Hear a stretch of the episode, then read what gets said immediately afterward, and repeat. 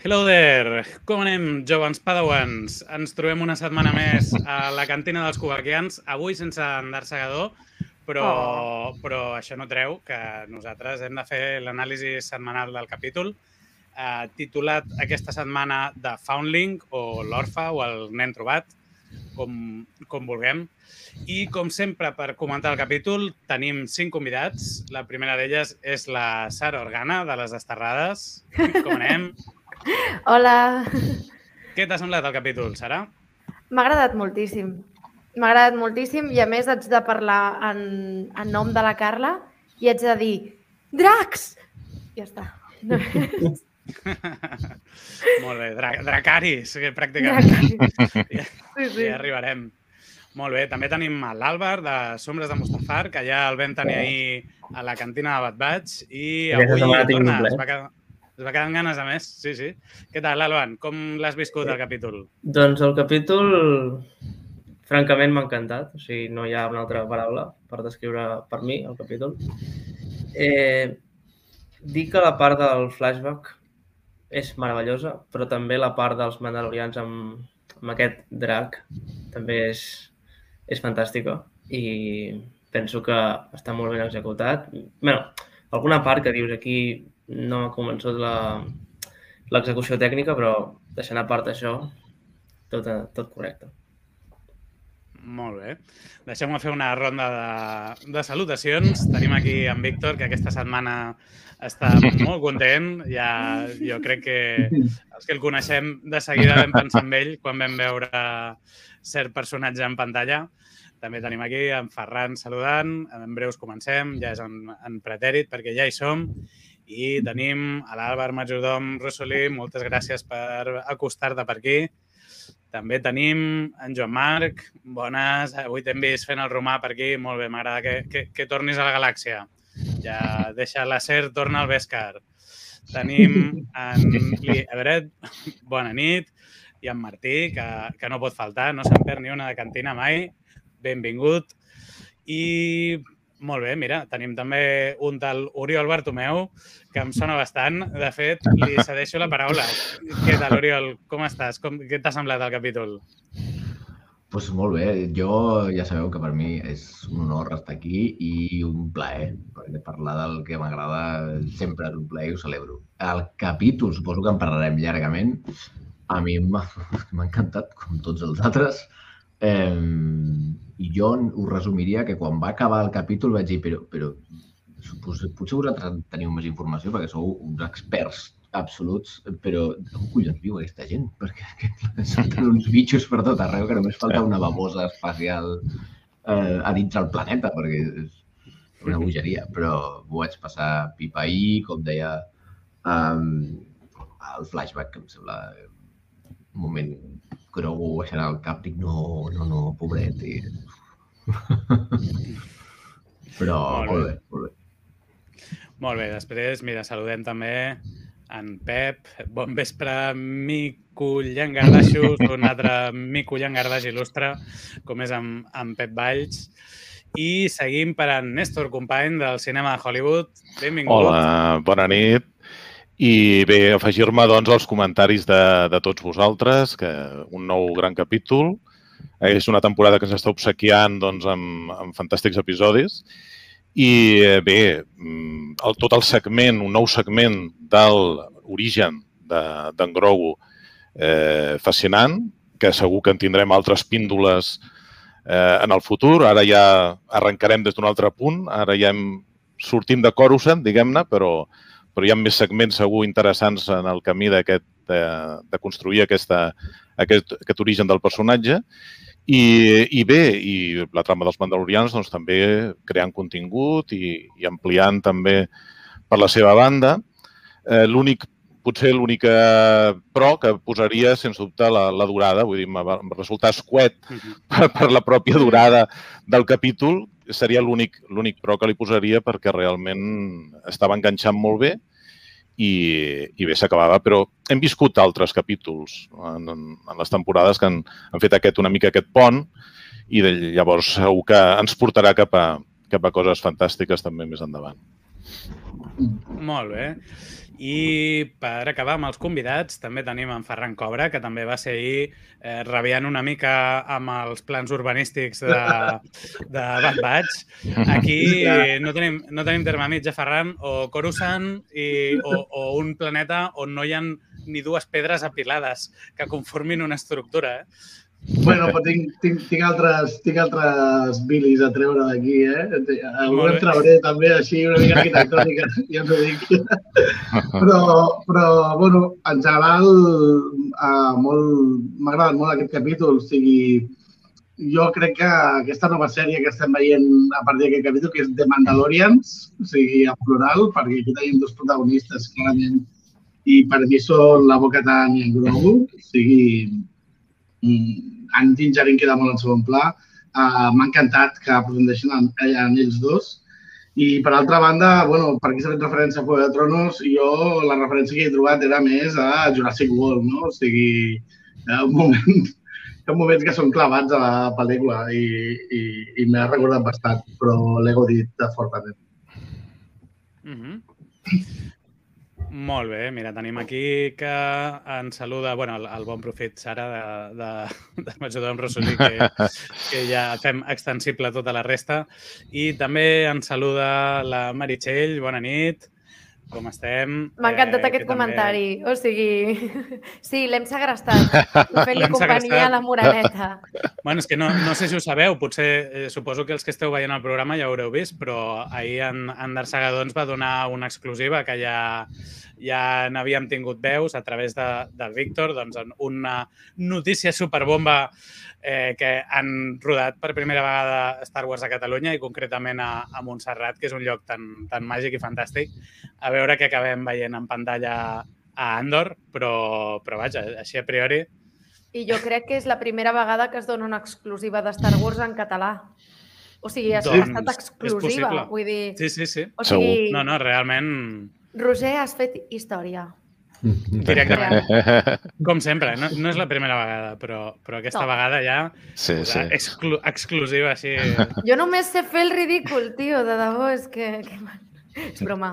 És que... Ja s'ha quedat, o sigui, el, allà un monjo s'ha trobat el Roger i l'ha fet entrar en el credo i ara està una mica com la boca tant, es diu que es vol posar escolanet. Bueno, veurem què passa la setmana que ve.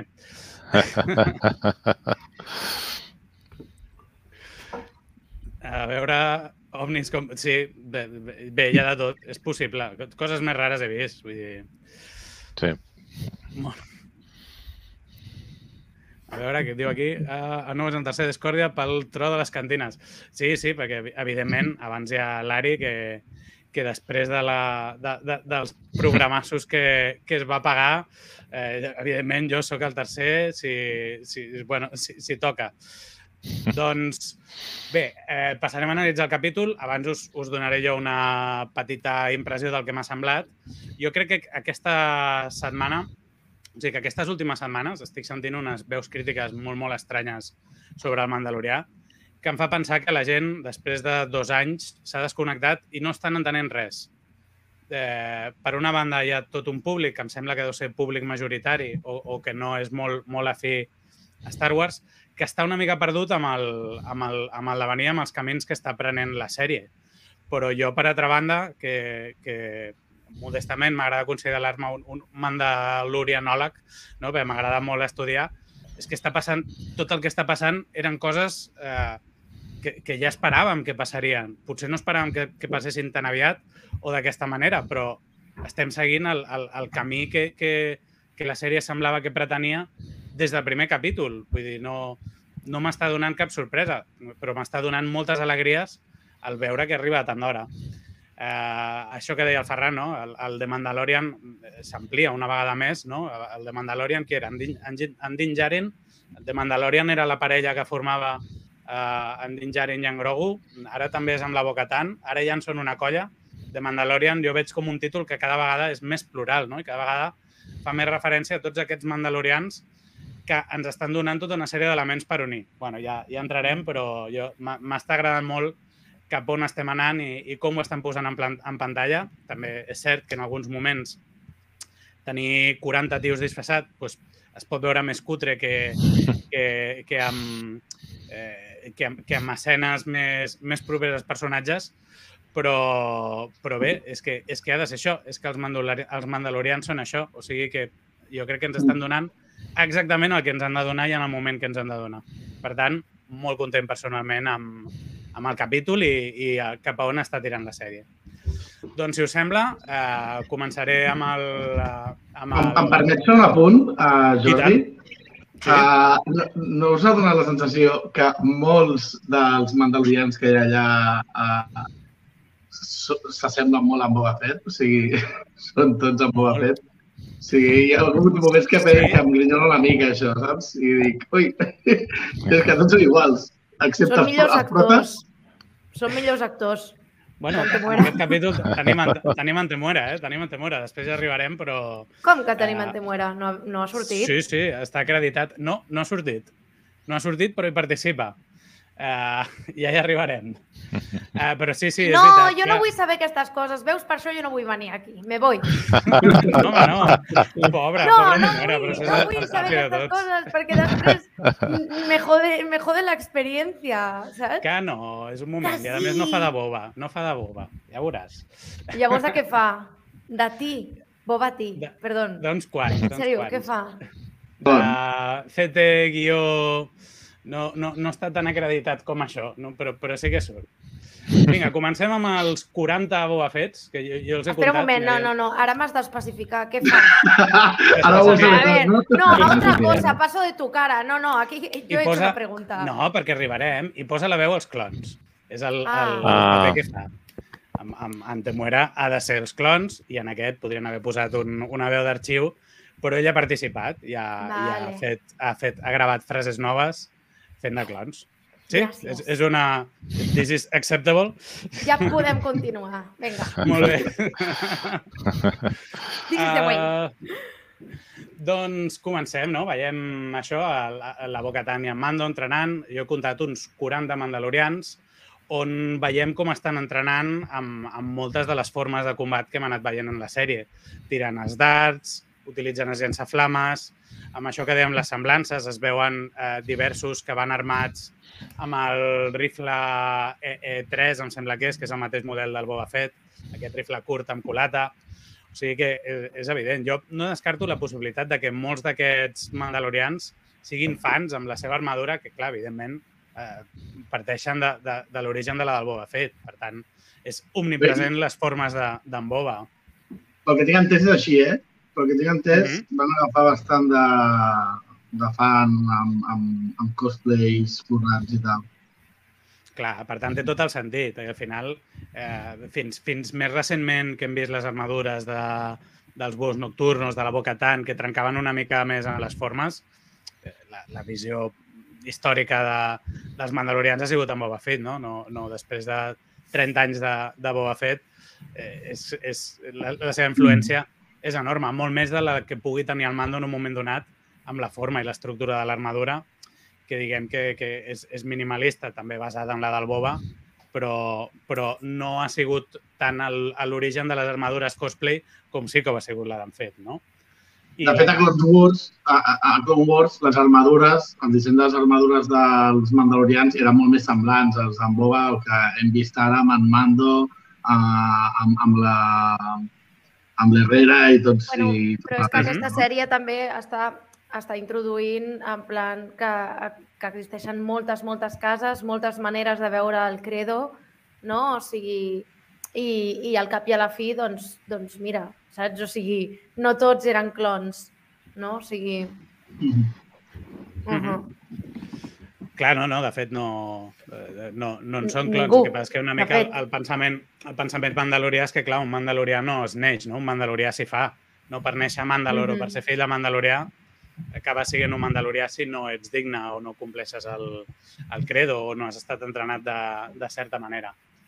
Eh, Com us deien els entrenaments, també veiem Vibro Faig un Ganivet. apunt, perdona. Sí, Faig un apunt, eh, que està el, encara com el comentari del Ferran a baix. Ai, perdó. Et perdono. I una altra cosa... L'ha deixat aquí en plan subliminalment, en plan... L'he deixat aquí, a veure. Sí, eh? Sí, Estic sí. allà. El Víctor, autobombo.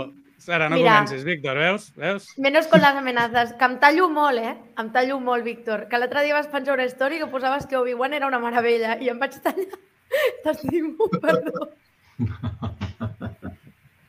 Sí, el No m'ho diguis, vale? diu que no ho comparteix, però bé, sí que hi ha similituds. Evidentment, no tots són de la mateixa... Uh, fa servir una armada... Clar, sí, evidentment, tots perdeixen. I un altre, un altre dardo sable de camino per la, per la Sara. Hola, Simer. Mira la que tenim. Hola, Simer, com estem? doncs bé, seguim uh, en un moment donat això que dèiem, no? Per ser mandalorià, un mandalorià uh, s'hi fa. I en aquest moment el Andin, Andin Jaren dona peu en Grogu, perquè si bé eh, no sap si guanyarà o no, tot i que li fan les brometes la boca tant, no? De, de no siguis gaire dur amb ell, i tot això l'enfronten amb en Ragnar, que en aquest capítol ens confirmen ja definitivament que sí que és el fill, si més no adoptat, d'en de, Pas Vizsla.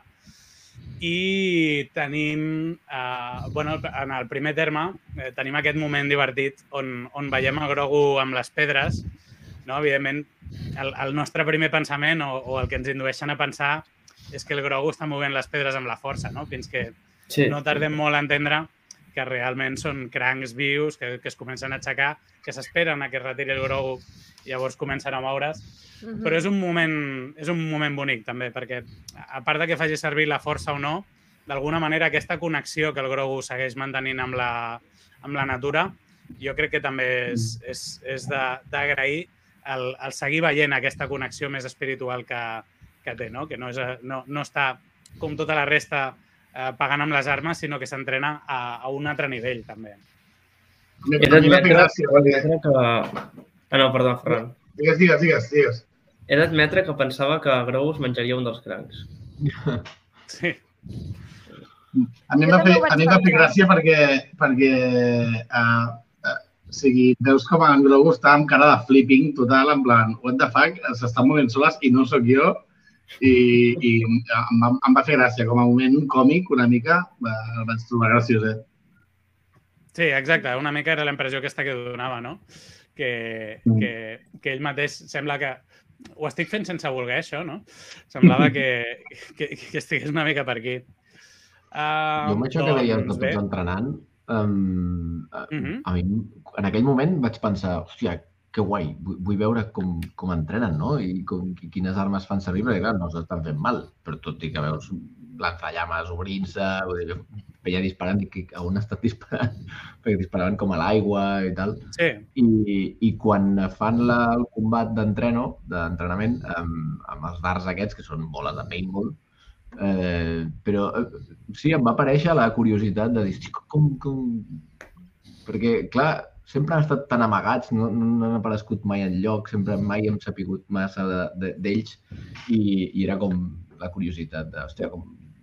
Tenen infraestructura d'entrenament, és de gent, saps? Clar, tenen clar, coses sí, sí. eh, amb espuma per fotre's mastegós, per dir-ho d'alguna manera, no? Jo, jo tenia un altre dubte, Oriol, i és, si és un, és un uh, crítica arquitectònica, torno a aviso, que és on viuen aquests mandalorians. Sí, No hi caben tots a la cova de l'Herrera, o sigui, només hi ha la Bueno, cova de tot el-. Tenen tot el planeta, també, per amagar-se, eh? No, no, allà Però on com una està mena de però- no? O sigui, han de caminar no sé quants metres per anar a la seva tenda. O... És que no hi ha cap tenda ni res per ahí suelta. Pensa que com no es poden treure tampoc el casc davant de segons qui, suposo que, o sigui, si per exemple tens una casa amb finestres, doncs suposo que les construccions són com bastant lluny, no? En plan... No Home, sé. el planeta no, no Ah, se clar, veu. però vull dir, per això dic que és un dubte, que dic, no us veu això, igual que si es veu del menjar i tal, i dic, on viuen? Perquè hi ha moments en què no hi ha ningú i a vegades, i, i aquí, per exemple, Clar, no, però perquè els hem, els hem conegut en expedició, no? O sigui, és Mhm. a dir, estan sobre el terreny, Mm, no els hem conegut. També, vull dir, els mandalorians s'ajunten allà per entrenar-se i bla, bla, bla, però en principi, this is the way, se van por ahí, no? Clar, però, eh, Clar. és molt I interessant, són nòmades.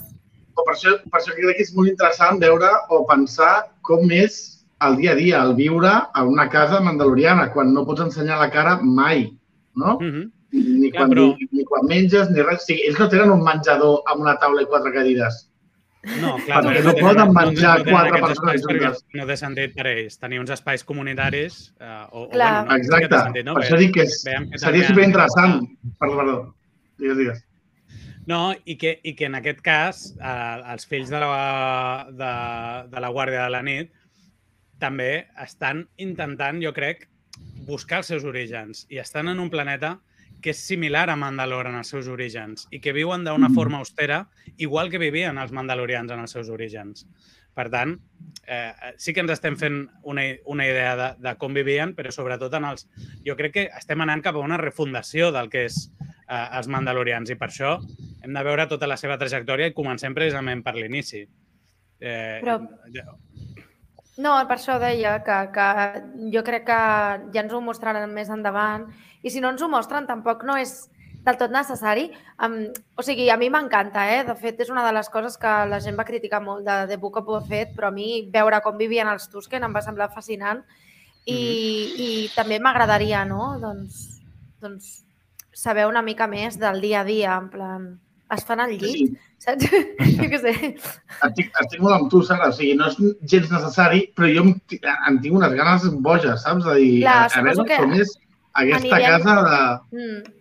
Anirem tenint pinzellades sense que sigui un slice of life, allò en plan Mm. puro i duro, en Ja. plan cosas de, cosas de mandalorianos. Ta na, na, na, na, na, staring, ¿sabes? O sigui, Ja, no? Però mandalorians.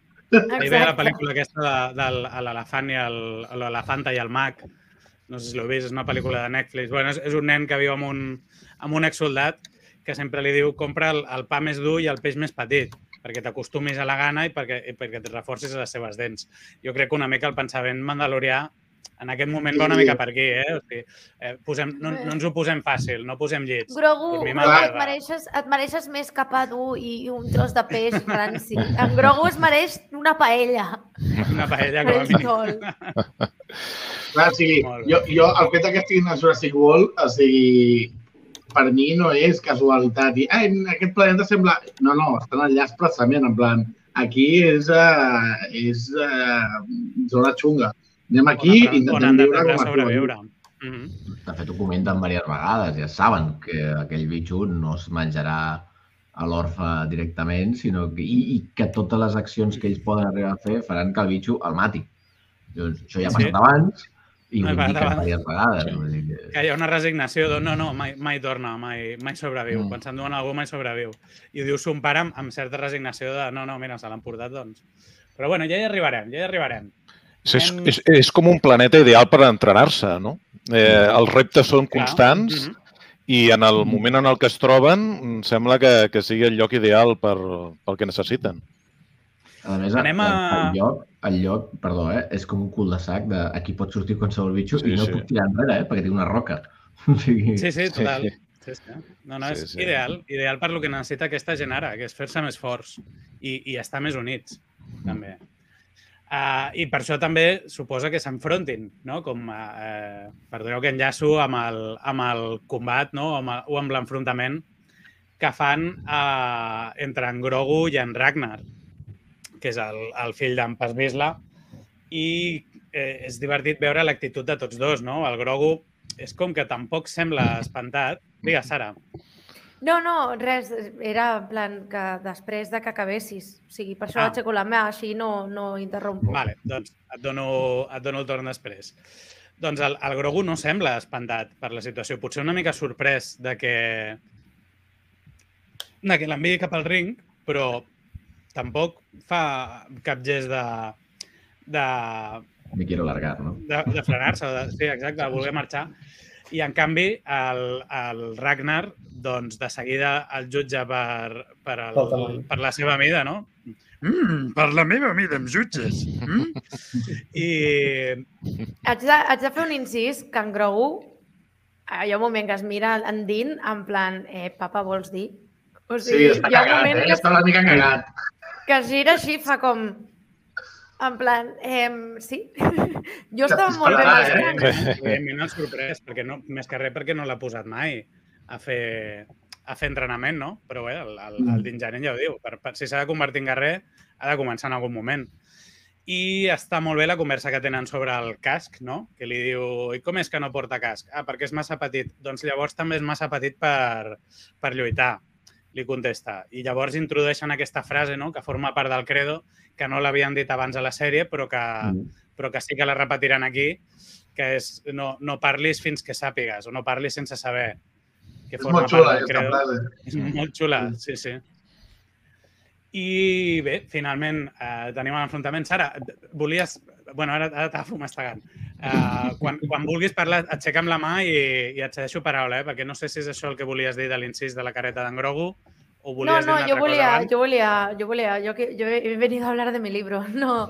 Eh, jo volia fer un incís sobre el fet que sigui pare d'aquest nen, que a lo millor és simplement un youngling que l'ha acollit, no? En plan, ara ets el meu pare, igual que en Dean és com el pare d'en Grogu. Mhm. Em, però, però jo em fa més gràcia imaginant-me coses estranyes, però amb un casc posat, saps? És com...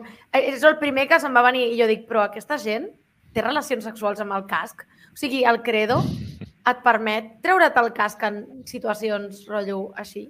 O, o...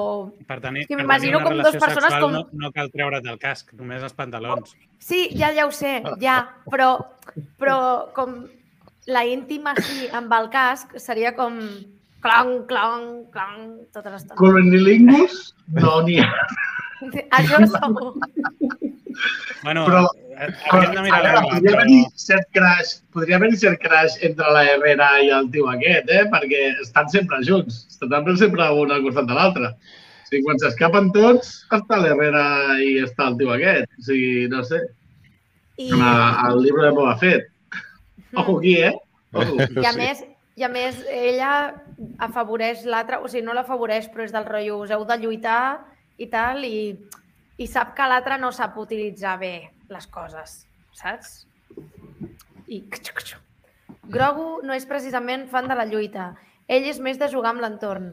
Evita les confrontacions, batalles, baralles i violència. Trauma de l'ordre 66. És veritat, Mhm. Meritxell. És ben vist, clar, és veritat. En Grogu normalment defuig i, i normalment quan actua és, és sempre amb un, amb un perfil molt amb un perfil molt, des, molt defensiu, de calmar els rivals o aturar el foc. És veritat que després Mhm. provoca explosions com la cantina de Nevarro que va fer volar el- l'Incinerator Trooper, o, però, però ell generalment és, és, un, és un lluitador de, de tall defensiu. Eh, bueno, com, com, com el qui el va salvar, no? que també veurem la seva tècnica. Uh, ta, ta, ta, a veure on anem. Ta, ta, ta. Hola, Coralí! Molt bé, estaven amb el combat. Què, què us ha semblat? Bueno, a part de la petita in- inverosimilitud, no? que tots ho veiem venir com acabaria, però, però això del salt del Grogu ortopèdic, com ens deia el, l'Àlvaro una miqueta, bueno, ja, ja, ja l'estem veient, aquests salts, però al final eh, també hem de ser conscients del que és i, i a mi em sembla molt graciós eh, que es vegi el Grogu així. O sigui, que estiguem veient com, com si algú llancés un nino directament. A mi això personalment m'agrada. A mi també m'agrada. I Jo- que no jo facin estic una superanimació superrecargolada de fent... No, no, no. És un tros de plàstic que algú l'està llançant. No, clar, però és que jo estic amb vosaltres perquè en veritat aquest hauria de ser l'efecte, no? O sigui, perquè ell no està saltant, ell no flexiona les cames i salta. Ell s'impulsa amb la força. Amb la Impulsar-se Clar. la força i dir, ei! I vinga, ho vas a parar. Estic d'acord amb el Ferran, discrepo amb tu, Nouan, perquè li acabes de dir cacho de plàstic en Grogu i el Grogu es mereix molt més que Però és això. amb tot He el dit que carinyo. es Jo li mereix, tinc molt carinyo als catxos de es plàstic. mereix respecte i una paella. Mal, Ei, ei, que, que, que els trossos de plàstic s'estimen molt, eh? eh? Els col·leccionistes, això, t'ho sabrem dir bé, que estimem molt, molt el plàstic. Mira Toy El Story. més. No és, no és cap... No, no, no és dir res dolent que un és de plàstic. Que és bromita, que m'agrada Sí, home, fer drama. Seguim. A veure... Uh, pa, pa, pa. Molt bé. Tal i com acaben el combat, que sembla allò ab- abans de tenir temps de celebrar-ho, apareix la bèstia voladora aquesta que, que no li coneixem nom i s'endú el pobre Ragnar, que el, el pobre Ragnar aquest és, és una mica gafe. Ja en el primer capítol va ser batejar-lo i va aparèixer la tortugadrila Però aquella em, que... em fa molta gràcia com s'endú... a- a- Digues, digues, Ferran. Sí. Em fa molta gràcia perquè se l'endú a ell, perquè, perquè uh, perdó, em fa molta gràcia perquè se l'endú a ell, en Ragnar, i és perquè té una rabieta d'haver perdut. O sigui, se'n va en plan, oh, merda, i se'n va de, del grup i, i es queda com Sí. uh, allunyat dels seus companys, no? És com la berrapat aquesta, veu, aquest està mm, solo, Sí, tal, voy a por él, no? Sí, va fer sí, no, no, no. No, Està no, està siguent, tot. no, no té molta sort aquest jove, però bé, suposo que, que ja n'aprendrà. Encara li queda molt per, per ser un, un mandalorià fet i dret. Uh, bé, la criatura se la vola i, què fan, i, i se l'emporta. I què fan els mandalorians? Doncs sortir volant amb les seves motxilles propulsores eh, i està molt bé perquè veiem que, que realment la capacitat d'una motxilla propulsora és una arma que per lluitar bé, però no és per perseguir bèsties voladores Volant. eh, quilòmetres i quilòmetres. Sí. La, la boca tant, que potser no és tan casurra com la resta, doncs se'n va buscar la nau amb, amb molta més... Clar, Think sí, smart, sí, és, no? és, i, i això La és Coralí- que... Perdó, és que la Coralí fa mems, però, però del rotllo, però orals, existeix saps ara? nyam. En Ragnar existeix les criatures, nyam. és que no pot parar de fer memes, aquesta noia. Sí, no pot anar a la platja. I sort de la Bo, sort de la Bo, com diu la Meritxell, perquè, perquè és l'única que, que abans de posar-se a volar, un moment, i si volo amb la meva nau, molt més còmoda, amb sensors, que si se m'escapa sabrem on està. I això ens, ens porta una imatge que ens recorda bastant a, a una imatge de l'episodi 7, amb el sol així de fons, les naus, que alhora era una imatge que ja ens recorda una, a un fotograma molt, o, o una fotografia molt icònica d'Apocalipsis Now amb els, amb els helicòpters, no? que, Sí. que sempre són uns molt macos. Total. És veritat que pocs anys a Star Wars n'hem tingut dos o tres, perquè no sé si en alguna altra sèrie també vam veure un de similar, a part de a part d'aquest que dèiem de, de l'Esparta de la Força. I bé, gràcies a Déu, doncs la Bo els, els redreça i els hi permet formar una partida de caça gràcies a la informació que, que ha extret dels sensors i que li permet localitzar on està aquesta criatura voladora. Fent un També hem de dir, no sé qui volia que l'incís, que ho faci. tant, i tant. Uh, doncs, el, crec recordar que és a un capítol de Star Wars Rebels que la mateixa Bo-Katan diu això de que tenir una motxilla propulsora és una arma o algo per al Mandalor amb el Mandalorians i és ella que va amb la nau. O sigui, és com... No, però jo, eh. jo penso que encaixa molt. Jo penso algo que encaixa Sí, molt sí. això, perquè justament la, la motxilla propulsora és una arma, és una arma de combat, o sigui, que em dona avantatge Sí. respecte al contrari. Jo puc volar, ell no. Però, per tant, no és una arma, o sigui, no és un, un- estri per transportar-se d'un lloc a un altre, Sí. perquè el combustible és limitat. Per això ella mateixa agafa la nau. També s'ha de dir que potser ella agafa la nau i els altres no, perquè els altres no tenen nau. bueno, Din Djarin sí, però no, no surt la part que de, a, a, a una cova cercana, suposo. Però, però ella l'agafa perquè la té a mà, entenc. Sí, sí. No. Però em va recordar això, o sigui, el fet de... És una arma sabent això. O sigui, sabent que no li No servirà. serveix per perseguir enemics. Com a distància no li serveix per- servirà. No, no, jo crec que, que, Per, que és per totalment tàctica. Mm, Mm. totalment Mhm. intencionat al, a l'ensenyar-nos què, què fa i què no fa una, una motxilla Una propulsora. Sí. Uh, Estic absolutament paral·lelament... enamorat de la nau de la boca tant.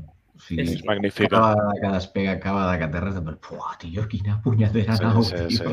O sigui, Sí, mira que és un disseny que té anys i anys, eh? però és, és preciós, Sí. realment. És, És un dels dissenys més, més xulos amb, amb les parts aquestes mòbils que realment necessita l'univers Star Wars més, més naus mandalorianes aquestes i més models. Jo espero veure, ja ho deia l'altre dia, un, un una miqueta més gran que hi càpiga l'N1 a dins. Ah, això seria estupendo.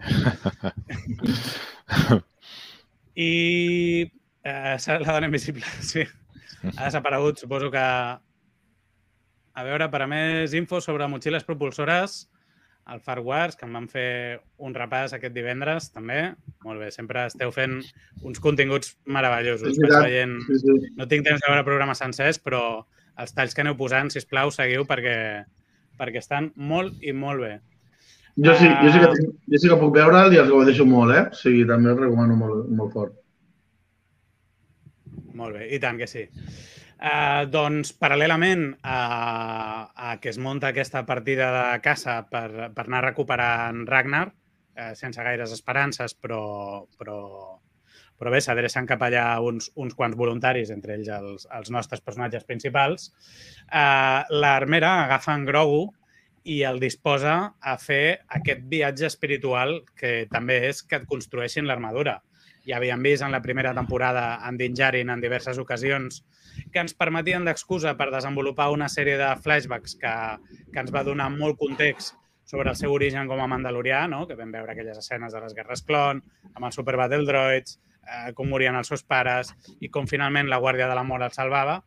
Doncs, en aquest cas, tenim la història paral·lela d'en Grogu, que al ritme de, de, de la presa doncs, eh, veiem com ell es va introduint en aquesta ansietat que el transporta en aquell moment tan dolent. Digues, Ferran. Uh, justament, uh, volia comentar això. A, a, banda del, del, del flashback, em sembla crema uh, tot el que s'explica en aquest moment. O sigui, com l'armera li va dient a en Grogu tal qual que la, for que la forja doncs, et, et, et fa recordar o viure experiències passades, tal. O sigui, em, em sembla super xulo perquè perquè és algo que, que ha passat abans però no se'ns havia explicat tal qual, no? I aquí, sí. o sigui, per fi t'ho diuen literalment i mola molt. I cada cop et creus més aquest lore mm, semi-Jedi dels, de, dels mandalorians, no? Que hi ha certa màgia Bueno, tot... darrere el, el lore mandalorià i em, i em mola molt, no? A més, també es veu, mentre t'ho va explicant, es va veient els diferents models d'armadura que té, que li fa com un cercle que per ara no sabies què era. O sigui, molt xulo. Ho, ho compro molt. O sigui, aquest tros el vaig gaudir molt fort. Sí, I després està molt ben aconseguit la transició cap al flashback. Utilitzant les espurnes... I la tornada del van- flashback. Sí, que es van sortint a la forja amb les espurnes eh, de quan estan Mhm. obrint el, la, la porta. Sí, sí, sí. sí, Fantàstic. és cert que ja havíem fet un, un joc similar a la primera temporada, inclús Mm. això és en, en tres ocasions, perquè surt el capítol 1, 3 i 8, els, els flashbacks de- d'en Din Djarin. Eh, però, curiosament, hi ha un canvi que és sobretot musical, perquè el tema mandalorià que acompanyava els flashbacks d'en Din Djarin, en aquest cas ja l'hem estat sentint tota la primera part durant l'entrenament, no? ja per, per, per Mhm. acompanyar tot el col·lectiu. I en aquest cas ens introdueix un tema musical nou, en aquest flashback del Grogu, que si bé enllaça una mica amb, amb els temes que ja li són propis, eh, també enllaça una mica amb el que hem sentit molt, molt de passada, encara que només eh, s'està sumant a... a, a perdoneu, eh, és que tenia aquí un privat. Uh, doncs això, és, és un tema nou que l'hem sentit per primera vegada quan s'ha mencionat o quan s'ha vist el mitosaure. O sigui que sembla que també serà com una mena de, de nou tema eh, sonor i musical, que ja no deu ser de Ludwig Göransson, però que Sí. ens estan fent també eh, una introducció de nous temes a mesura que aquests eh, mandalorians s'estan convertint eh, en una cosa eh, nova en part o, o, o refundada, no? com, com jo penso que, que arribarà. Passem directament al... Sí, Sí, en, en Joseph Shirley en una entrevista va dir que havia creat varis temes nous que anirien apareixent relacionats Mhm. amb personatges i, per tant, doncs, ja encaixaria amb, eh, amb això que ell mateix anunciava. És que això Doncs jo sí, ho lligaria sí, sí. una miqueta amb, amb el que ha dit el, el Jordi al principi, no? de, de les crítiques. Um, Mandalorian arrenca sent un western pur i dit per Fabre. No? Eh, Sí. Un tio sol, un cazarrecompenses, tal, però clar, un cazarrecompenses que va fent missions i pots tenir raona que sigui la que faci el fil de tot, que seria Gogro, però qu- quan et dura això? Sense, sense, Ah, sense ja, que ja. la gent al final... Si això no evoluciona, eh, al final, que la temporada 3 serà igual que la 2. Jo, com vaig veure el tràiler de la 3, vaig dir, ui, ui, ui, aquí hi ha un festival. Estàvem no, no, acostumats a, a coses més um, individuals, del DIN, amb, amb el Grogu, amb, i, i, però allà hi havia uns combats, unes naus, i el trailer el vaig veure així de rasquis perquè no podia mirar massa cosa, I dius, Mm mm -hmm. que ha canviat la cosa, no? I ha canviat la cosa en molts aspectes. Les No, no, sonores, és que jo... Uh, tenim The Mandalorians, no? que podria ser una altra sèrie, com deia el Ferran. Eh, es tracta d'evolucionar una mica perquè, si no, tindríem mil temporades de Mandalorian, que és un western que no acaba mai. Clar, Jo feliç, Bueno. però també Sí, estic sí, no. molt feliç amb la tercera temporada, que és totalment diferent. Eh? O sigui, Bueno, jo estic en part d'acord amb tu, però, però, però no necessàriament del tot, perquè vull dir, sí, uh, Mandalorian és un... Eh, per, per una part té, té moltes traçades de western especial, però també, també té unes clares referències a Lobo Solitari i su cachorro, que són, són històries de samurais, també, saps? O sigui, et trobes amb, amb, amb, 8, amb 8.000 referències allà mesclades que jo no diria 100% completament que és un western espacial. Té molt de western espacial, però eh, agafa de moltes coses i voler-se encasillar allà, que és el que, Però- però... entenguis el que estàs dient tu, eh? que està No, no, evolucionant no. això i dic, jo ho veig des del principi, aquesta evolució de sí, fem un western espacial, però per l'altra banda, mira, també tenim una mica de samurais, també tenim una mica d'això, també tenim una mica d'allò altre, no? Clar, però sí, això ha sí. estat sempre perquè el, el, el gènere del western i el gènere dels samurais són dos gèneres que ja tradicionalment han estat molt, molt lligats i en una constant retroalimentació eh, l'un amb Mm. l'altre, clar. Però, a part d'això, jo crec que des del primer moment de la sèrie se'ns apunta cap a una història més èpica o cap a eh, una èpica heroica eh, que també des del primer moment. Estic d'acord amb l'Oriol. És veritat que, que la història aquesta western o del, del Lobo Solitario i su cachorro ja la portem des del, des del 2017, no? que va començar la sèrie, però ja estem al 2022 i ens hem de, de deixar en això quan, quan ja estem tinguent també aventures en aquesta Mm. línia de Bad Batch, però si, si volem créixer els personatges, evidentment no ens podem quedar amb les aventuretes de dos. Hem d'anar Sí, cap, a, cap a una cosa més gran i més significativa per la galàxia ja. Jo he dit The Western, però amb una manera de resumir que neix com a... No? Sí, sí. I al final ara ja és una altra cosa.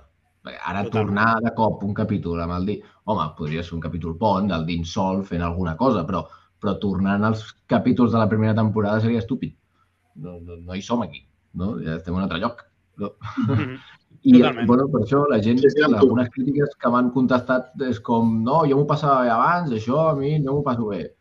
Ostres, ja, ja s'ha parlat, no? Però el, el, el, el, el, Corus, el Coruscant que vam veure al capítol anterior a mi em va semblar increïble. O sigui, Mhm. no, no, i la gent allò l'ha I- i- molestat. No sé. I, I també t'haig de dir una cosa, Uri, que crec que és una mica que estàs dient tu, i és que la gent s'ha oblidat una mica que, de, perquè passa molt de temps, que les temporades 1 i 2 de Mandalorian, cada capítol era autoconclusiu. I aquí Mm. estem, ten- estem tenint capítols bastant semblants. A part del primer, que és una mica amalgama de tot, cada capítol és bastant autoconclusiu, però dintre una trama. Clar, No? sí, sí. Uh, més, més o i- menys com i- sempre, el, tipus de trama ha canviat. I exacte, i, i em sembla una mica que la gent diu, bueno, doncs que aquest, relleno, relleno. I dic, espera, espera, per mi era més relleno altres capítols que havíem vist a la primera temporada i la segona que els que estem veient aquests quatre primers capítols, saps? O sigui Per que mi, per mi no n'hi ha cap. a vegades eh, la gent s'oblida de les coses. Se- S'acostuma que The Book of Boba Fett no era capítols tancats cada un, sinó que era una trama contínua i ara doncs, una trama contínua un altre cop. O, home, a veure, no funcionava així de Mandalorian.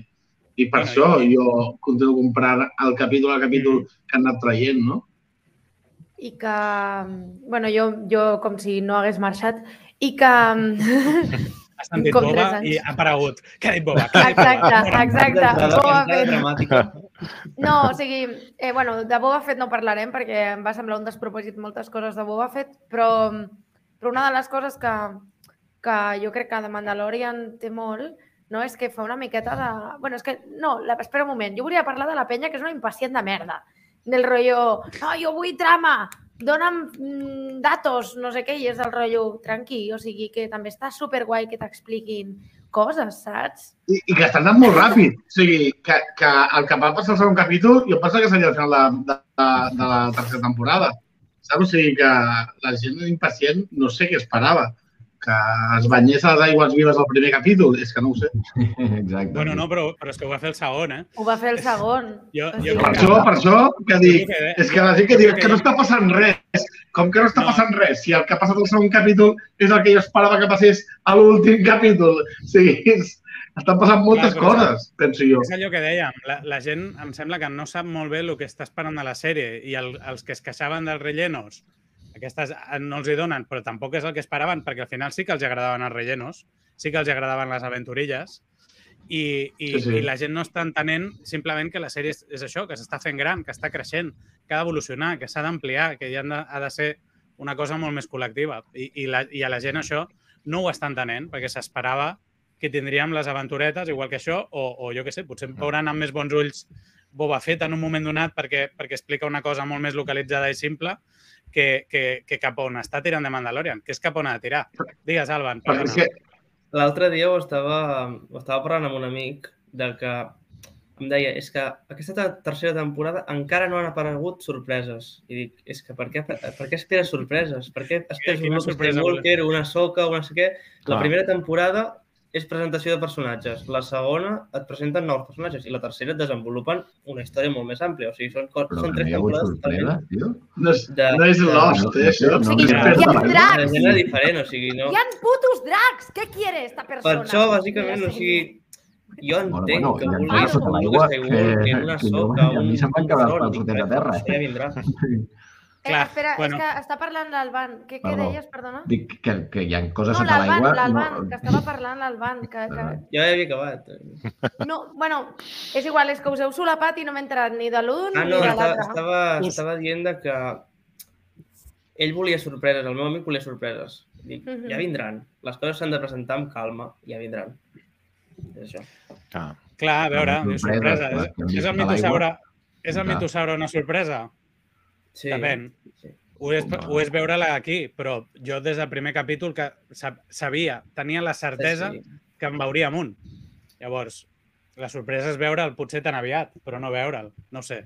Eh, problema d'expectatives així en general. Deixeu-me que continuem, perquè portem ja Sí, sí. 47 minuts i encara no hem vist la sorpresa, la sorpresa d'aquest capítol. Eh, com sabeu, veiem el flashback, que enllaça bastant amb, amb les imatges que havíem vist al, al The Book of Boba Fett. És veritat que, que l'escenari no és exactament igual, però bé, sempre veure sabres de llum i, i clons forçant portes sempre ens porta, ens porta bastanta alegria, però la sorpresa realment arriba quan veiem per fi qui és que se'n va endur en Grogu del Temple Jedi. No serà l'única sorpresa que tindrem, però sí la més grossa. Eh, bueno, suposo que tots esteu al corrent de qui és aquest personatge. D'acord? No és la primera vegada que veiem uh, l'actor Admec Best eh, amb la seva cara a, a, la, a la saga, perquè ja va aparèixer a l'atac dels clons fent com aquesta mena de delinqüent, Mm. però tenim en Kelleran Beck, que, per si no ho sabeu, és un personatge interpretat pel mateix actor que presentava un programa de televisió de proves eh, Jedis amb moltes cometes eh, per nens que, que em sembla que s'emetia online. Llavors, aquest, ah. aquest personatge, que era ja un personatge que té un background en què és un, un, uh, un Jedi que s'encarrega d'entrenar els nens, que també té unes habilitats eh, molt característiques amb l'espasa, O doncs sigui, hem o tingut... sigui que aquest, aquest senyor era el que interpretava en Jar Jar Binks. Aquest senyor era el que Sí. interpretava en Jar Jar Binks. Quina fantasia. Quina fucking fantasia. És meravellós. Gràcies. més, jo crec que és un... És, és oficialment... És, és oficialment la persona, l'actor que ha interpretat més personatges dintre l'univers de Star Wars? O m'ho imagino? Segur que No? no. Segur que no, que hi ha perquè algun que dir... Sí, perquè ha, per exemple, el que interpreta uh, en Keadi Mundi, Ah. que ara Bueno, no em fa clar. dir com es Ah, deia. bueno, Tamora Morrison, no? Clar, Tamora Morrison ha interpretat molts Bueno, personatges. Morrison, Clar, ja clar, està. Bueno, interpreta 11 milions de Clar, clones, no? bueno, he pensat. gana todo. No, però sí que, sí que hi ha, sí que hi ha algun altre actor que, que és veritat que, en- que en papers més secundaris Dee Bradley Baker. Sí, Dee Bradley Baker es fa tot el repartiment de, de The Bad Batch eh, que també, déu nhi eh? déu nhi quin crack, com, com, com ho fa amb la veu i, i, com, i com dona característiques individuals a cada personatge. Doncs res, tenim aquest personatge que, mireu, aquí el veieu amb aquests droides, que mm. potser encara, encara els veiem, que són els droides que l'acompanyaven al programa. Res, ja l'havíem vist com aquest personatge. Si us hi fixeu, té el mateix cognom. Eh? En aquí és evident que feien un, un joc de paraules amb el, amb el seu nom real i en Kelleran li va voler mantenir el cognom com si fos l'ovella negra de la família, no? però n'hi havia un de bo que era, que era el Jedi. Doncs tenim aquest personatge que se'n va en Grogu i tot seguit d'això veiem una sèrie de referències absolutament glorioses Uh, anem a passar per aquí. Molt bé, aquí veieu les uh, Bark uh, Speeder, que ja vam veure per primera vegada a La venjança del Sith, però que també hem vist sovint a The Clone Wars, que són aquesta mena de speeder bikes amb sidecar. Eh, és una referència molt xula veure, veure aquesta persecució.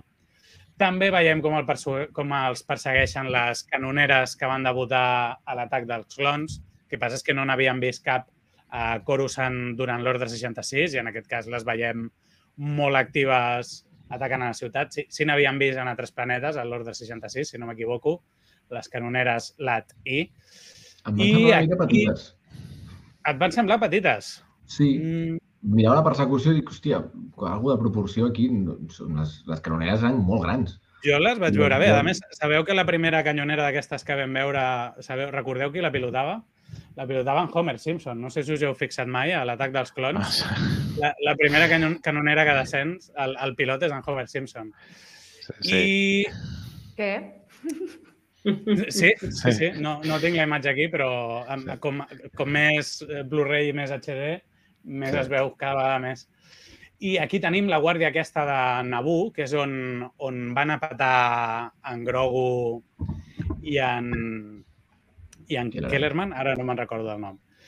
I no només això, sinó la nau que agafen particularment, perquè no us penseu que és una nau molt freqüent. És la nau personal, el llat personal eh, model H modificat de la senadora Padmé Amidala. Eh, penseu que a Naboo, tot i que també són, són naus Nubian, aquestes naus cromades es reserven només per la reialesa. I la Padme li fan l'honor especial de permetre-li fent servir les naus de la reialesa un cop deixa la corona. Quan és senadora. tant, sí, sí. hem d'entendre que, tot i que, que és senadora, que la nau que s'endú és eh, literalment la nau de, de la Padme. Llavors això em, em sembla al·lucinant, que és amb la nau amb què l'Anakin i ella doncs, van a Geonosis, van a, van a Tatooine i, i que parteixen des de Naboo precisament. Aquí veieu... Que, que a mi això em va fer... Amb, amb... Perdona, a mi això em va fer uh, fer-me moltes preguntes. O sigui, si tenim altres flashbacks com hem tenir en Din uh, d'en Grogu, pot ser que surtin mm -hmm. personatges de Naboo o, o, o un cert senador Organa o algú en algun moment? Perquè... No sé, jo crec que hi ha un panaca imperial per algun lloc que en algun moment jo espero que, jo espero que el veiem. Eh? El, el, el panaca seria un dels personatges que a mi m'agradaria molt que acabés sortint mm. en qualsevol contingut. I sí, sí, molt bé, sí. em sembla que tenim per aquí... Ah, perquè he de tenir en compte que en Grogu no va parar mai a mans del, de l'imperi, en teoria, no? O sigui... Clar, sí que hi va parar, però no ah. sabem en quin moment. El, el, en Percy... No, perquè, perquè, per, perquè en, en, en contracte d'en Dinjarin per aconseguir el, el nen. Sí. O sigui, en cap moment et confirmen que aquest nen ha estat amant de l'imperi. Potser sí, Clar, no, però... No, no sabem si va estar. El que sabem que és que... Els, el que sabem és que els, els bons, com si diguéssim, els que encara són rebels, tal, el perden en algun moment. En Kelleran o algú el perd, però no sabem res més. No? Ja. És molt material per, per, per veure properament. Això estaria bé, eh? bueno, jo no ho descarto, no ho descarto que, sí. que sigui un, un gran cameo. Farien, farien bona parella. Farien amics, segur. Molt bé, i no sé si voleu comentar res més del flashback. Jo crec que... Ah, bé, sí, eh, un, un últim comentari, que és que passen per la plaça Ah, per sí, la de plaça de... La muntanya. De la roca. Sí. Que vam Sí, veure, de, de, exacte, de, de, la muntanya més alta de Coruscant. Sí. que està molt bé, que ho vam Sí. presentar la setmana passada amb, amb molta calma i en aquesta, doncs, doncs passar per allà, ni que sigui això, ni que sigui un momentet de passada, ho fa A molt... mi m'agrada dir-li dit, no? Collserola. M'agrada dir-li collserola. Coruscarola. Montjuïc. és el Montjuïc de Coruscant. De Coruscant. Exacte. A més, fixa't, fixa't en una cosa, a l'escena de l'episodi 3, que apareixen bueno, l'ex imperial i l'ex científic imperial eh, menjant-se un polo, dona totes les vibes del Tibidabo. Només dic això. Sí, sí, total. Ja està. total hi ha, hi ha, hi ha, hi ha l'android aquell de, de, dels tancos i tot. O sigui, Sí, sí. Només afegiré un parell de notes del Roger que, que eren molt interessants, no? que és que que és que en Kelleran va amb dues espases, no? de seguida en recull una i ell va amb la tècnica defensiva amb les dues espases i després el, el plano que veiem quan fugen del temple Jedi en flames, que si bé queda en un segon terme, Mm. eh, ostres, és espectacular, eh? I, i ens recorda aquella, la, la vivència de l'ordre 66. Ara aquí Bueno, tenia apuntat a, a, que hi el que veiem... El, perdó, el que veiem clar és que en Cleran és un, és un, és un mestre Jedi en tota regla. O sigui, Sí. és un fucker. Totalment. perquè Sí, sí, ell Sí, se'n rebenta tots els, els, els clons ell sol i els altres jedis que, que, que estan defensant en Grogu mm, van caient com a mosques amb el mateix quantitat de, de clons. O sigui, Bueno, també perquè l'estan cobrint, entenc jo, eh? una mica, però, però sí, sí, està clar que... sí. Clar, ell, ell té, un, té, un, té un mal nom que li diuen la mà del no sé què. O sigui, que ja, ja, és, ja és un Jedi que en el seu background ja s'explica que és especialment dotat en la lluita de, en la lluita Clar. de sable i en, i en un estil en concret. O sigui, que jo Lluita crec que... brutal, eh? Ja... I després allò que dèiem, bueno, la, la curiositat. Ara era el moment d'explicar que sabíeu que tots els clons estaven interpretats per en Temuera Morrison, però la Sara ens ha Sí? tapat la guitarra i ens ha fet dir un minut de... Bueno, nois, això eh, hem de superar lo de l'ordre, eh, de les coses, perquè jo no, no, jo no segueixo cap ordre. Sempre. Jo no caos. cap ordre, Clara. menys la ordre Visca el caos. 66, que si se tiene que matar niños, se matan niños. No és broma. Mira, par parlant d'ordre, deixeu, que, deixeu que els enviï una abraçada als companys de, de Connexió en Tatooine, No, que, que, broma. que, porto, que porto quatre, quatre programes que havia d'estar amb ells, però que entre, entre que he estat malalt i tot això eh, no he pogut estar amb ells i avui vinc aquí a presentar la cantina, o sigui que em deuen, ara mateix deuen dir, però, però vaya jetes que ens posa aquí les banyes amb el Roger. No, no, us estimo molt, companys. Ja sabeu que no he pogut aquí. Això només era l'entrenament per al superprograma eh, que gravarem aquesta setmana. I, i, I així per la jeta ha posat l'espam eh, de Connexió amb Tatooine. Com que Hombre, no, cosa... Pri privilegis del conductor, no? Del, de la Ah, tertúlia. Sí, com a mínim això. No, i, que, I que si no em liquidaran. No, no, de veritat, que em sap molt Ell es, greu. arrenta les mans i ja es treu. No, però que m'ha sigut molt greu, que estava... que em moro, nens, no puc, no puc. I ara em veuen aquí en directe, doncs, pues, pues bueno. estaves en plan gribus. Sí, realment, realment sí. La semblança era més d'allò, però bueno, però amb uns quilers més, que el gribus és, és així com molt primet. Bueno, el, quilo, el gribus és que deu és un bastant, cervell, eh? És un cervell un estómac i un cor, no? Ah. Sí. No, però un És gribus... impossible competir contra ell. És I uns quants quilos de ferro, no? Bueno, però anava a dir que, que deu pesar bastant. Gràcies, deu Alba. pesar. Bueno, però si li treus el, el ferro es queda en res, pobre. No pot caminar. Uh, molt bé, doncs tornem, ara picaríem aquí, pam! Seguiríem amb, el, amb la finalització del flashback i com veiem com la com l'armera acaba aquesta armadura eh, nova de Grogu. Veiem una altra vegada que per dins està com plena de cables que fan unes funcions supersecretes mandalorianes que, que mai entendrem, però, però bé, és molt important que totes les peces Jo, mandalorianes... jo sempre he sospitat que té...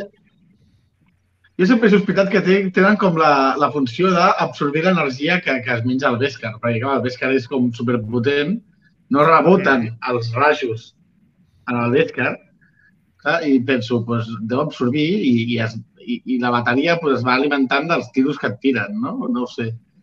És una teoria meva És loca, una teoria. saps? És una teoria. Sí, sí, no, jo crec que els hi permet controlar tots els dispositius que van portant, que al final són com, Sí. totes són com processadors, no?, que permeten activar les... La, clar, dius, com eh, sense apretar cap botó llença míssils, activa el llançaflames, té els dardos, o llença Clar. la corda, com ho sap això? Pues perquè porta tota aquesta tecnologia que, que queda en segon terme, però que és molt, molt important, segur.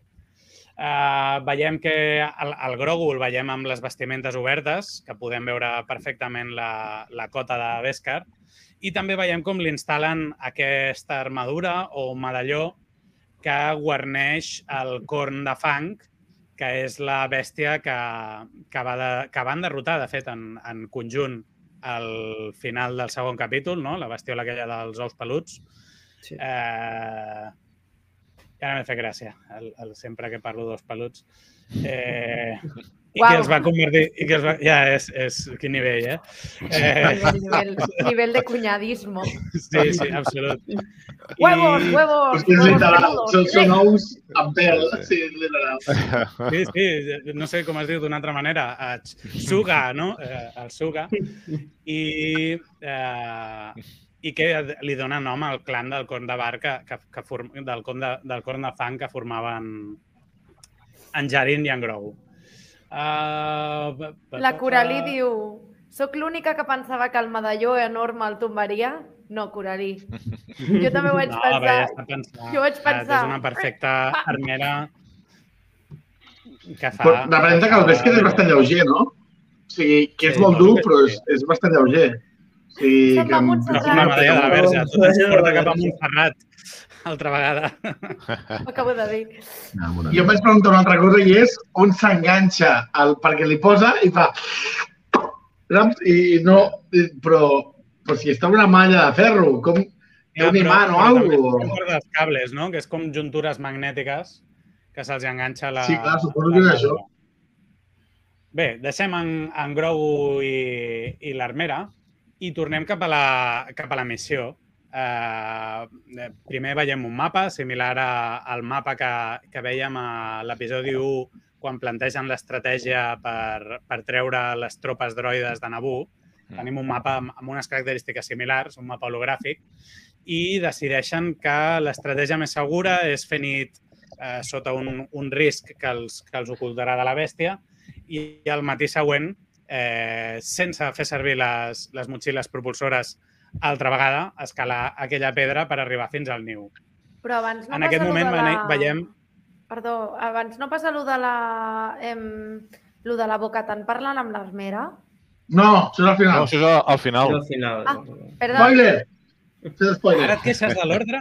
Ara et queixes de l'ordre? bueno, pues jo vull dir una cosa, és que jo hauré de marxar en res, nois. Digues el que vulguis dir. Jo volia dir una cosa, que avui he vist un meme que m'ha fet moltíssima gràcia, que es veia, saps el típic meme que hi ha una senyora en un geriàtric i una treballadora que l'agafa de la mà, o sigui, com del braç?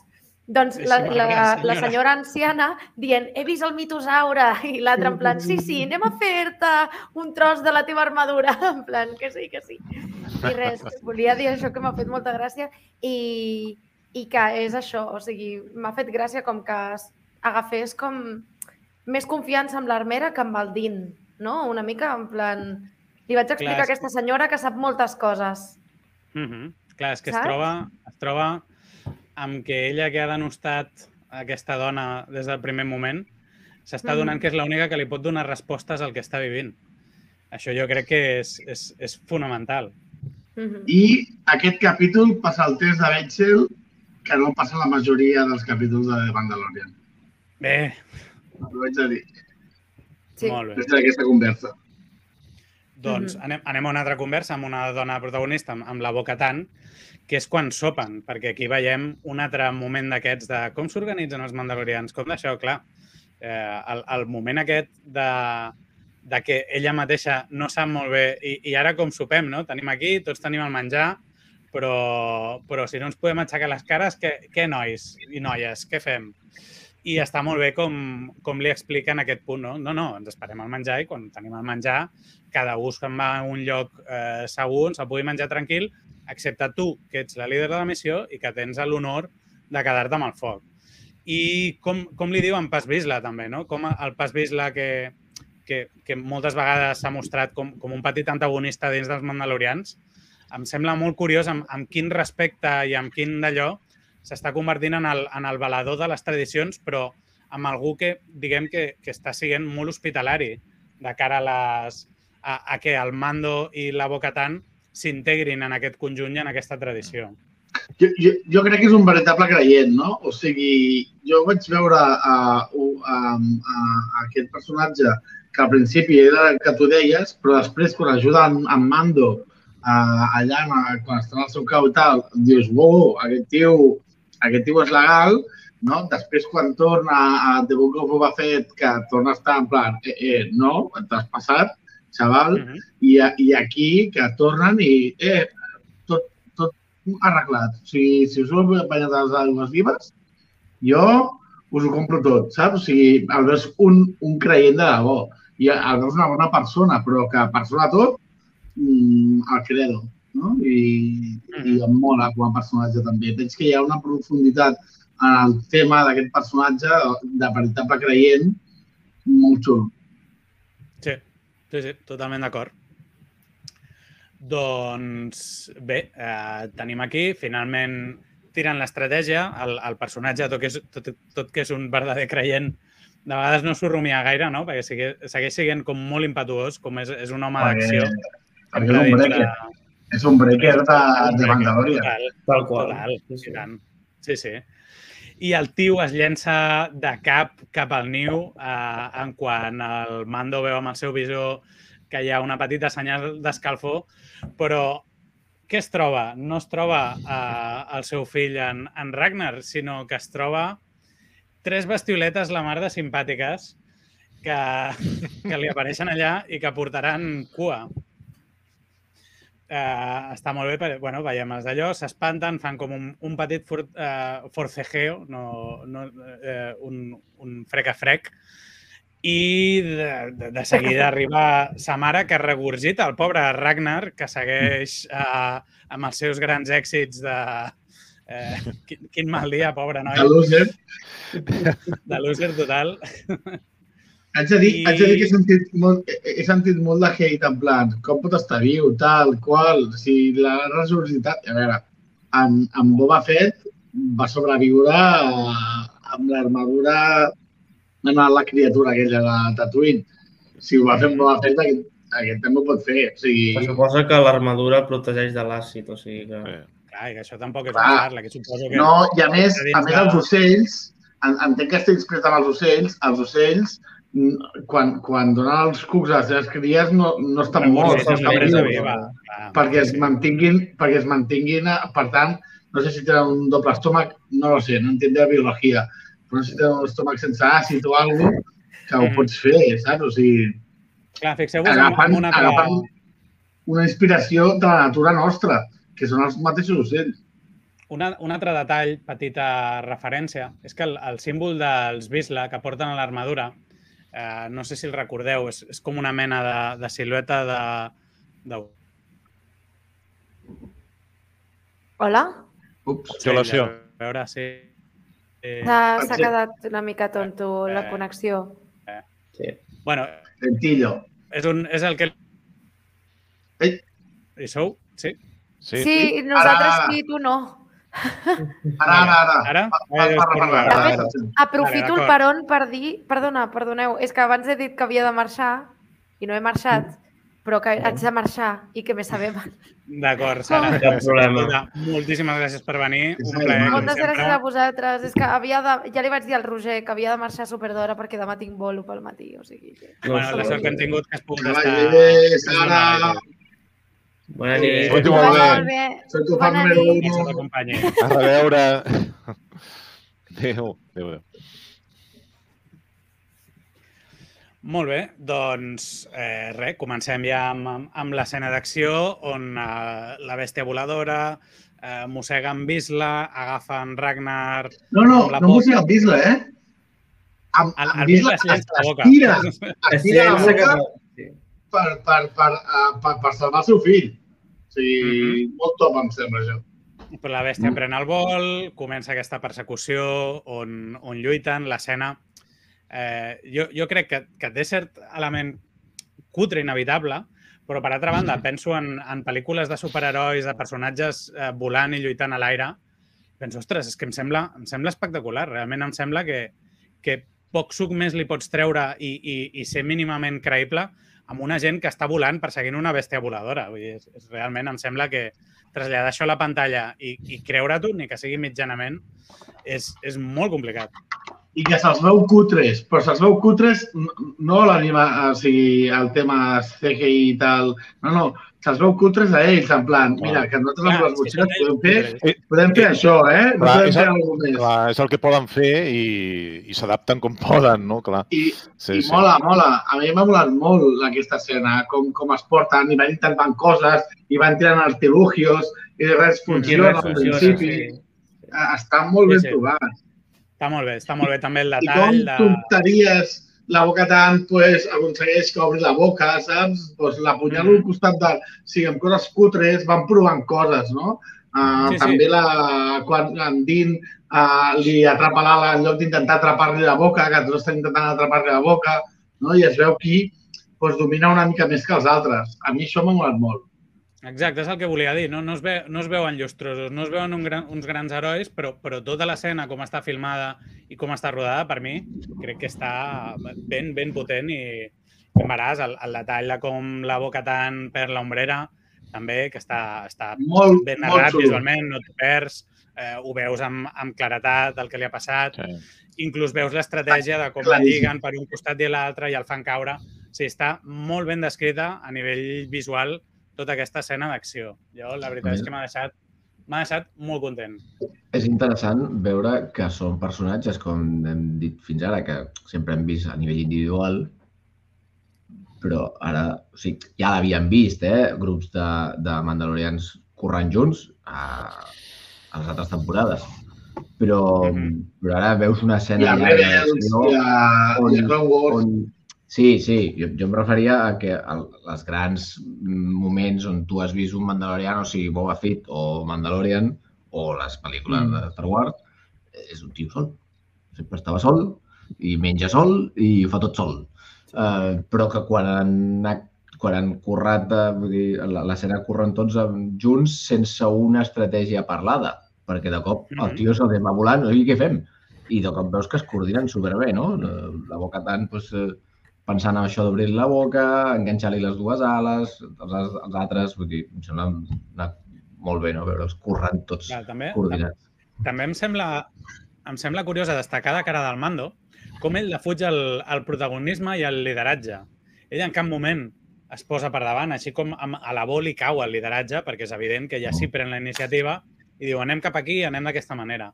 I en canvi ell és com que és, és resolutiu, està en els moments claus, està fent accions claus, però en Mm. canvi desvia tot aquest protagonisme eh, fora d'ell. Ell treballa pel grup Però i va- ell es deu eh, als seus companys Però perquè mai l'ha volgut, eh, aquest protagonisme. perquè mai l'ha volgut. Perquè mai l'ha volgut. Recordem l'escena de tinc el sabre de fosc i té, te'l dono. Sí, te'l Uh, dono. no, no, l'hem de guanyar un combat, em rendeixo, té, el té. O sigui, Sí, no, ell és sí. una persona super a, a, a, a la sombra de tot. Ell no vol de la, del cap tipus de protagonisme, mai en tota la sèrie. Clar, clar. Ell és una persona que és molt humil en aquest aspecte. O sigui, es deu al credo i punto. em, em sembla algo que és important destacar perquè, perquè si no passa, per de, passa desapercebut, precisament el, el, el que ell vulgui fer-ho passa per, per desapercebut, però és algo molt sintomàtic i molt simbòlic i molt important de, de, del rol que jo penso que ha d'acabar tenint. Precisament el, el qui no vol el lideratge és qui l'hagi d'acabar assumint, presumiblement. Bueno, però- Exacte, però a- això, però- això no treu el fet de que igualment sigui un fucker.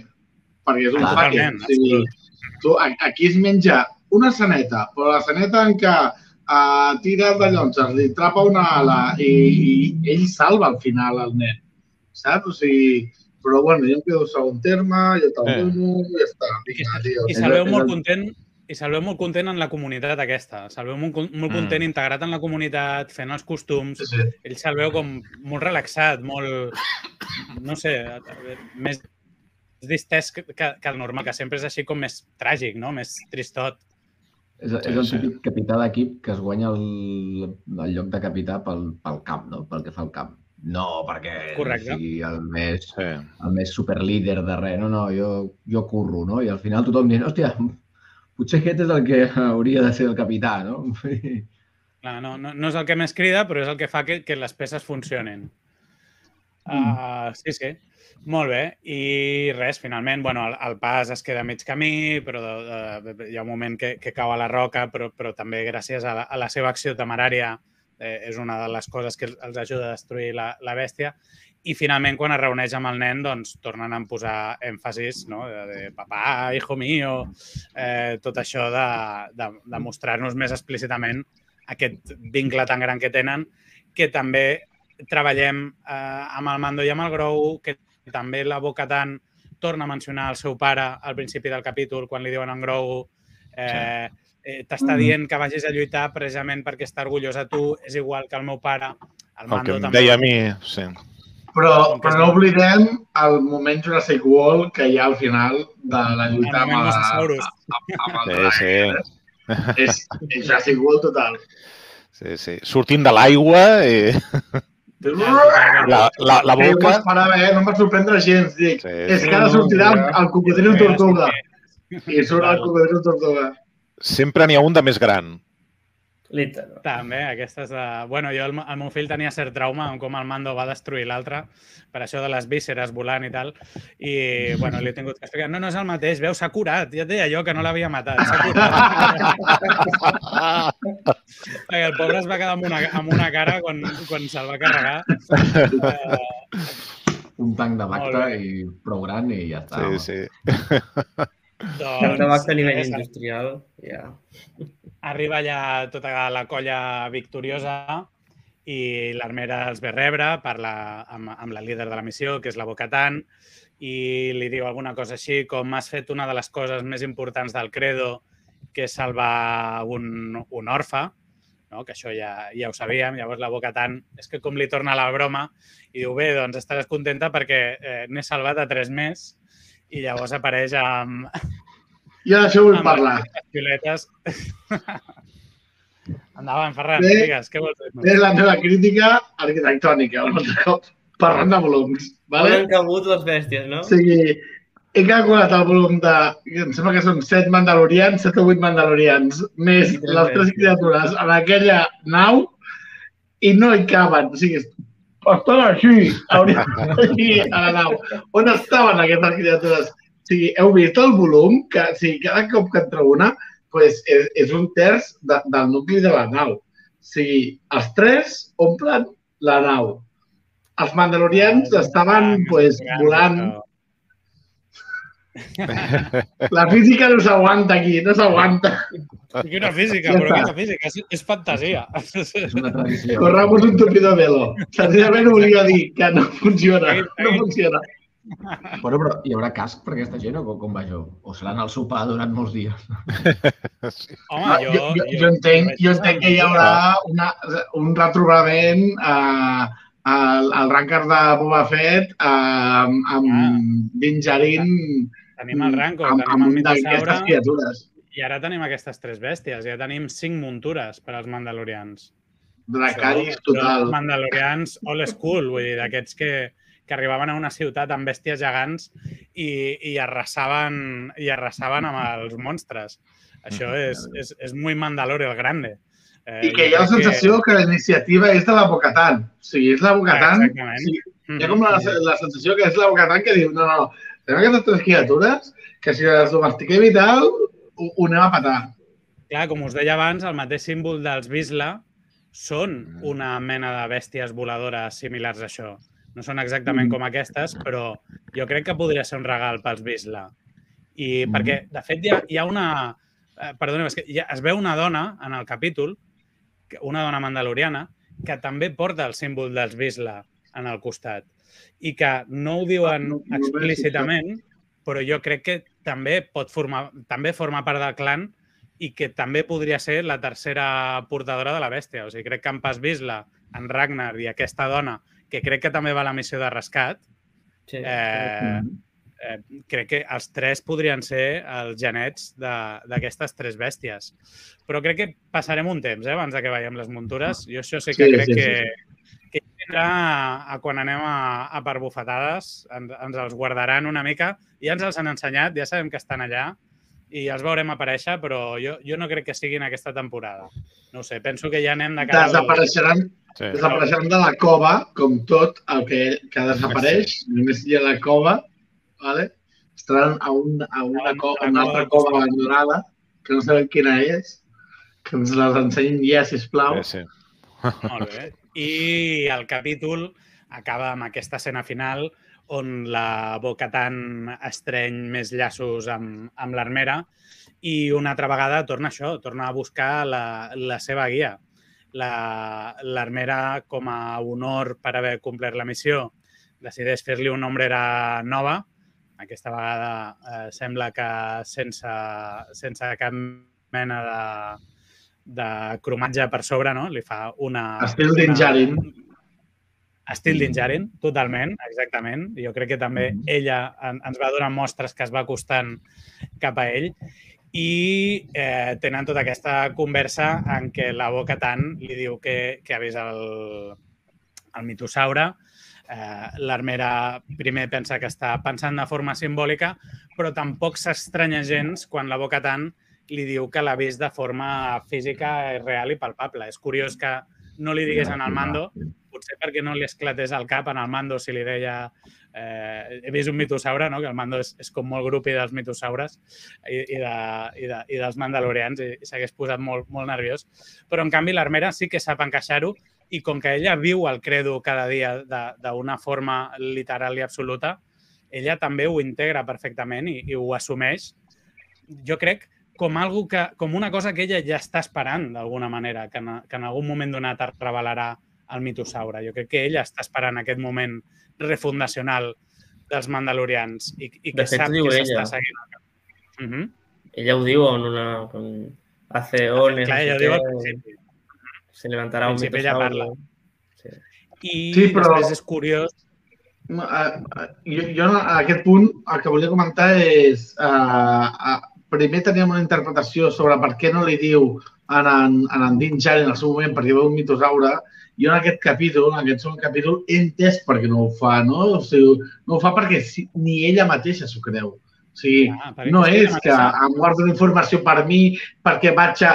No, no, és que ella està flipping in coloring, saps? O sigui, no, no sap si ho ha vist de debò, s'ho ha imaginat i no és fins a aquest moment, després de haver, haver fet diferents passos del credo, que diu, espera, espera, mm, hi haurà un mitosaure de debò?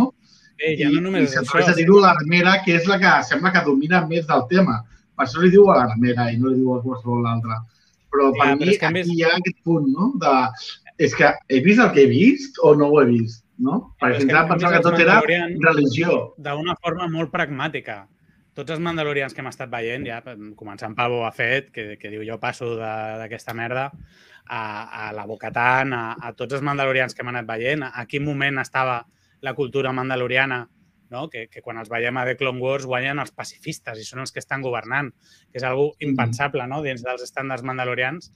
I de, de, I de cop i volta, aquí estem tornant a veure com els, el, les, les tradicions mandalorianes no són un mite. O sigui, són, són mítiques, però, però amb una base real. I la Boca Tan està veient i està visquent amb la seva pell que tot això que per ella havia sigut un mite que feia per quedar bé davant, davant del poble, de, eh, està Una veient ficció, que, que sí. és de carn i os. Llavors, com Compro, no ha de posar-se a creure? que Quan li diuen no treguis el casc, no me'l trec. Si és, que, si és que tot és... Si és que el que estic veient, les aigües vives, que també tenen com Mm. aquest element màgic, i el que, i el que dèieu al principi, no? que, que s'estan convertint pràcticament en un Jedis amb, amb un misticisme, misticisme darrere palpable, que és físic, que no és només un, un conte que expliquen els nens. No, no, és que, és que s'ho està trobant eh, literalment. Ara, no sé si recuperar les tradicions al 100% al peu de la lletra és, el, és la millor idea que poden, que poden tenir quan no els hi ha funcionat. Que en aquí jo crec que hi ha d'haver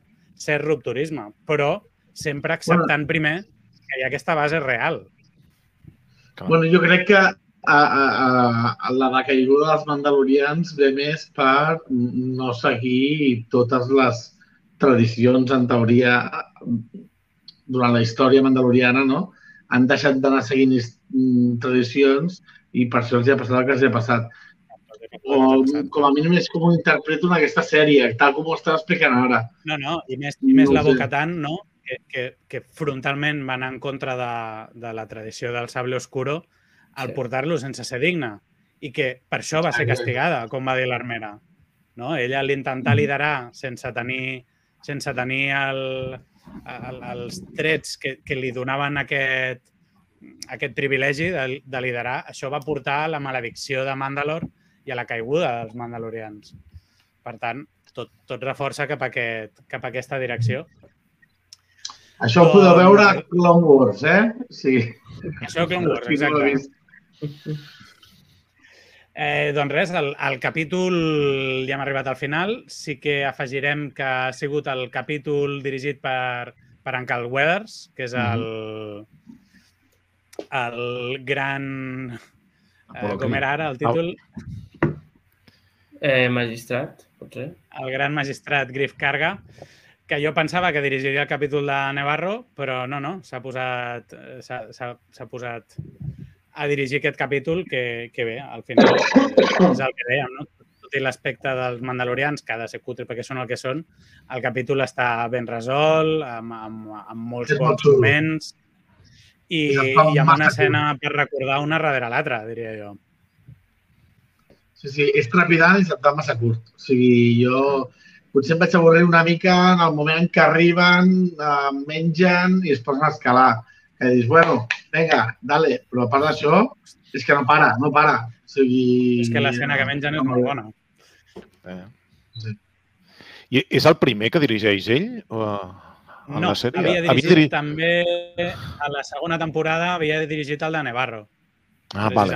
El que, el que sortia ell, amb la cara d'un Sí, sí, i, sí. i, i feien la... El, la el, com es deia? The, The Siege, és l'episodi. Sí. Mm. La base a la base militar. Mm. Uh -huh. Vale, vale. Mm. Sí, sí. Vale. Molt bé, doncs res, això està tot. No sé si hi voleu afegir res més. Jo crec que li hem, li hem donat un, un bon repàs, eh, li hem tret força suc. Sí. Sens dubte. Tren... Doncs, 33 minuts eh, ja no duraven per més. l'hem- triplicat, no? Pràcticament Sí, la, sí. la duració del capítol. Sí, Sí. Molt, bé, molt Doncs res, només em queda donar-vos les gràcies a, als convidats que heu estat aquí, també al- a l'Alba, al Ferran, a l'Uri, al Néstor, també la Sara, a tots els que heu seguit el programa en directe i a tots els que ho feu també en diferit. Eh, seguiu els convidats a les seves xarxes, que trobareu a la descripció del vídeo. Tots fan gran contingut. Eh, no us deixeu enganyar pel títol del Ferran. És, és merda, però de la bona. I, I res, eh, us desitjo que la força us acompanyi i ens veiem la setmana vinent a la propera cantina. Properes cantines, amb el final de Bad Batch. Serà bona aquesta. Aquí, eh? Aquí. Ojo, Fins ojo. Vinga, que la força us acompanyi molt i molt fort. I sempre i arreu.